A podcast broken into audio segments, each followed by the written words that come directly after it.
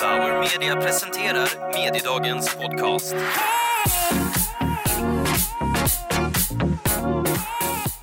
Hej och välkommen till Mediedagens podd som presenteras av Bauer Media. Jag heter Daniel Sassi. Idag ska vi träffa inspirerande talare på Dagens Medias event Mediedagen. Och nu sitter jag här i Bauer Medias studio och framför mig har jag, vem då? Du har Martin Garbarczyk. Var jobbar du någonstans Martin? Eh, Jag driver ett marknadsföringsföretag som heter Relatable. Det måste suga att driva eget. Många gånger. Många gånger mycket jobbigare än folk tror. eh, Mycket mer glädjande väldigt ofta. Ja. Om hur magiskt det är också. Berätta lite grann vad ni gör. Eh, Vi är ett företag som har valt att på något sätt försöka tackla influencer marketing på Mm. ett sätt som bygger på mycket av den frustrationen som vi hade, vi som har dragit igång det. Mm. Där vi kände att det måste kunna göras bättre och smartare här. För Mm. att på det sättet som det görs nu eh, är inte hållbart. Eh, och så såg vi massa trender i hur det är och då bestämde vi bara att vi lämnar de jobben vi har och startar här. Och då drog vi igång. För det, det, finns ju inte, det finns inte brist på influencer marketingföretag. Och när eh, vår gemensamma vän Kristoffer Stenqvist tipsade mig om dig så kände jag så här, vad, vad kan ni möjligtvis göra som är unikt och hur kan er take vara unikt? Men men, eh, Kristoffer är ju helt frälst. Eh, men, men du har ju också sagt att influencer marketing kommer döda sig självt. Vad menar du med det?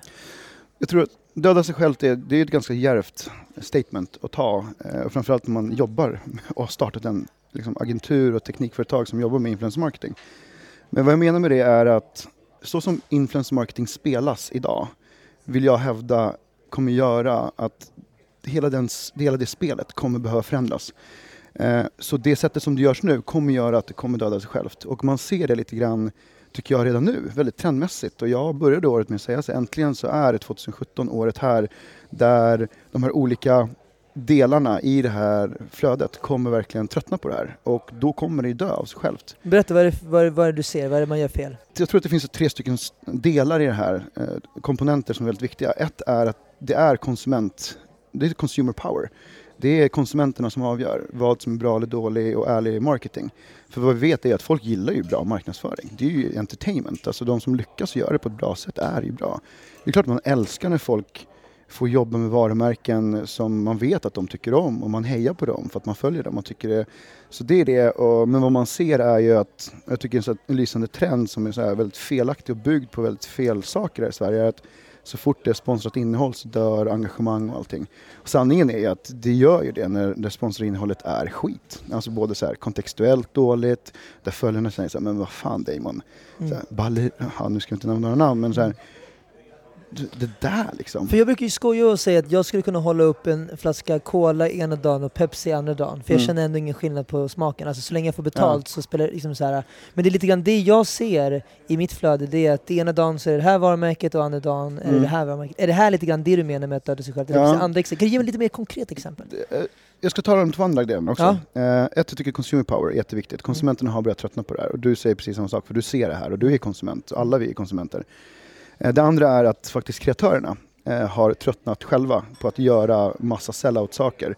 Det är så här fascinerande att många av de, så här, de typiska profilerna som har varit stora under många år liksom nu sitter i poddar och nästan så gråter ut och bara, i år ska jag bara jobba med varumärken som jag faktiskt står för. Jag har varit som sellout i flera år och jag har tappat min kredibilitet och de har själva märkt att så här, herregud fan min publik sviker mig för att jag är en sellout. Så det tror jag också att jag tycker hela den delen med integritet och lite grann som jag kan hålla med dig men ändå inte. Det är att de personerna Eh, som har byggt upp det här utan att vara med i TV eller liksom vara någon mediala, varit med i Paradise Hotel eller någonting. De som genuint bygger upp sin, sitt varumärke och allting, de har en extrem integritet. Där det är väldigt tydligt, vi är ju helt talent independent. Vi jobbar ju inte med att ha massa människor som vi har signat utan det är ju de själva som bestämmer. Och jag tycker det är så slående när man ser och får eh, bevisat att människor gör faktiskt inte lite grann som du säger om man pratar med de som inte är de här traditionella eh, människorna. Eh, de är väldigt måna om vilket varumärke som får synas, på vilket sätt, i vilken kontext de ska få en del av deras varumärke. Sen så den sista delen varför det här tror jag håller på att dö, och det får vi se, jag tror vi kommer prata om det lite på paneldebatten sen. Men det är ju faktiskt att annonsörerna och marknadskrafterna, marknadscheferna, marknadsteamen, de har tröttnat också. Det är, så här, det finns, det är en tid idag när vi sitter här i oktober 2017 att man måste kunna se sina resultat. Man måste kunna påvisa, man måste kunna visa internt, man måste kunna bevisa vart får man sin bank for the buck. Det går inte att ha den här fåfängedelen som influencer marketing har varit lite grann. Att så här, men vet du vad chefen? Och sen så kommer PR-byrån eller reklambyrån eller influencerbyrån eller vilken byrå man än jobbar med. Så här, Kolla vad härligt, det är fyra coola tjejer och killar som har postat om oss. Alla bara gud, checkar av, nu har jag gjort influencer marketing. Eh, för att prissättningen är helt galen. Det går bara inte. Och, um... Precis, om vi, om, vi, om vi pratar om den sista delen, mätning och utvärdering lite mm. grann, är det det du är inne på? Mm. Uh, jag har ju sett att flera influensbolag har gått mot att kalla sig själv för techbolag. Jag tycker inte att de är riktigt det. Uh, och, de, och de pratar lite grann om hur man kan mäta och följa upp och så. Det är klart att det finns ett problem med köpta följare, det finns ett problem med fake-följare, det finns ett problem med om jag köper en, en eller förlåt, om jag köper den, om jag sam väljer att samarbeta mm. med en modell så kommer kanske 40, 50, 60 procent av hennes följare vara män mm. utomlands. Mm. Eh, för att det är sådana typer av bilder hon lägger ut. Mm. Medan jag vill nå en kvinnlig 20-årig mm. målgrupp. Så jag förstår att det finns en spill i det, men men att automatisera eller digitalisera som att det vore ett bannerköp eller ett native-köp mm. så man kan se impressions och visningar mm. liksom som det vore. Jag tycker inte det funkar för att det du gör är att du köper ett samarbete, du köper ett, en kontext, du köper mm. en, en co-branding. Så mm. jag tror ju inte, och jag vet inte om det var det du sa riktigt, men att mätningen eh, skulle vara nyckeln till en bättre influence marketing liksom, scen. Um för det är inte det jag köper. Nej, nej, det, nej jag håller med dig. Ja, jag håller med dig. Om, jag, om jag ska göra ett samarbete med Kenza, okej okay, hon har en miljon följare, äh, även om x antal är fake eller utomlands, det spelar ingen roll för att jag ska ju göra ett event med Kenza i min butik, mm. hon ska få designa min kollektion, vi ska göra en webbserie med henne. Det är liksom andra delar, att jag mm. associerar mig med henne, mm. som är mycket, mycket större än så här, ah, hur många följare hade du, hur många bor i Sverige? Absolut, och det, jag är helt med dig. Mm. Jag håller helt med dig. Det, det är också att Alltså disciplinen influencer marketing har ju också, den är ju väldigt bred. Många försöker ju sätta så här, men det är en post på Instagram. Fast det är ju inte. Utan det man ser är och vad många har märkt att många av de här människorna, alltså du nämnde Kenza som är helt magisk och liksom heja henne, fantastiskt liksom. Det är så här, det är en superstar internationellt och det är jätteroligt för vi jobbar med bolag i hela världen. Folk vet vem Kenza är så det är så här, det är askul. Men det du pratar om är lite grann att man börjar förstå att de här människorna har en väldigt större kraft än vad de traditionella kändisarna har.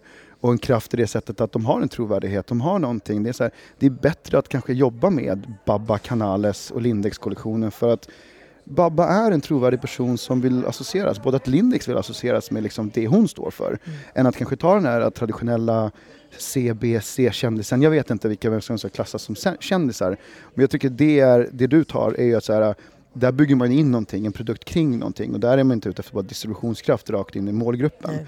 Och där, där ser vi ju väldigt olika och där tror jag att många, många byråer blir också lite grann så här, ja men vi gör mycket mer än bara det här. Uh, vi har valt att köra en approach.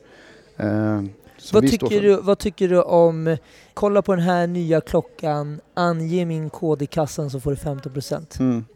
Fem, fyra och ett halvt, fem år sedan så var det världens mest briljanta eh, marknadsförings eh, strategi.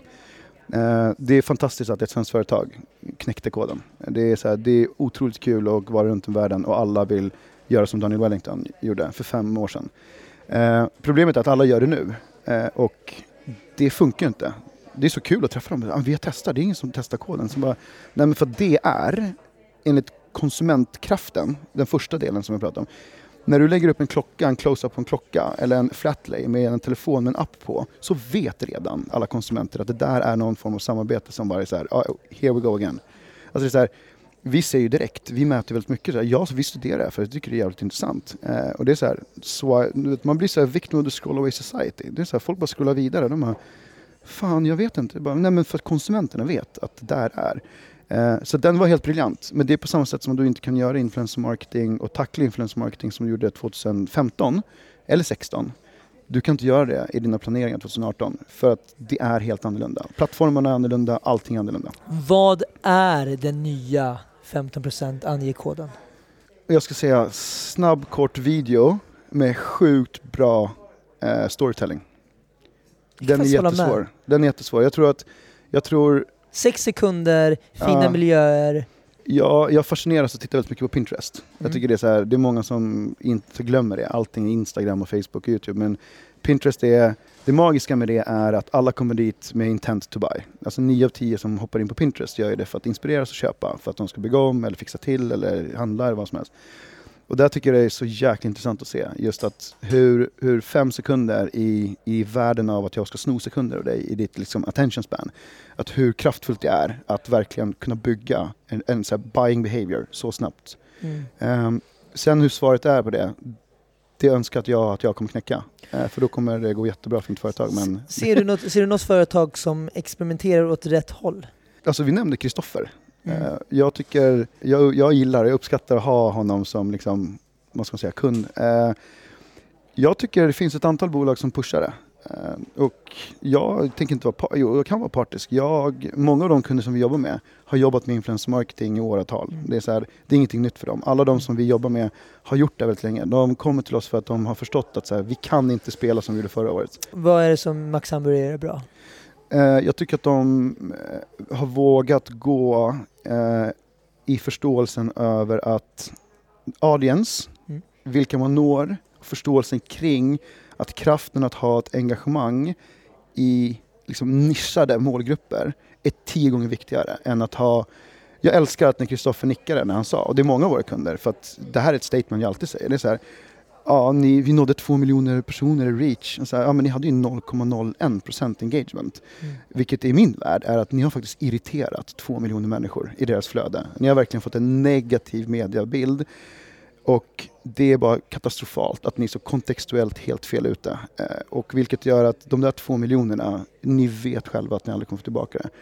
Det jag gillar med Kristoffer är att han, för han är det viktigare att nå 300 000 personer som är de människorna som han vill attrahera till sina restauranger och att de, han jobbar med människor som får göra det på sitt sätt. Han är så trygg. Jag tror att det är jätteviktigt att vara ett tryggt varumärke, att förstå och tro att de som vill jobba med dig kommer göra det bästa för dig. Och det kommer göra att consumers, deras publik också, kommer tycka att det är asfett. Eh, Så det tycker jag är någonting som jag, jag tror att det är mer en filosofisk Ja, grej. men precis, så du menar att eh, eh, om vi då tar honom som ett exempel, så om man, om man, ger, eh, om man litar på sina samarbetspartners, Mm. om man litar på sina influencers, så kan bättre saker komma ut än när man är strikt och liksom har regler kring brand guidelines Ja. och det ena med det andra. Har jag, förstått tycker, det rätt? Ja, jag Alltså- tycker Anna, Anna Rose på Adobe eh, är också ett lysande exempel. Mm. Där hon, alltså hon, nej, hon jobbar ju på Adobe. Det är ju kreatörernas liksom, kraftverktyg. Men det som är magiska med henne är att hon har ju förstått att mitt varumärke kommer bli magiskt när de som gör magin kommer få ta varumärket framåt. Mm. Och jag, jag är så glad att hon får så mycket cred nu av alla de saker. Och jag är jättestolt och glad över att vi har fått göra lite saker med henne.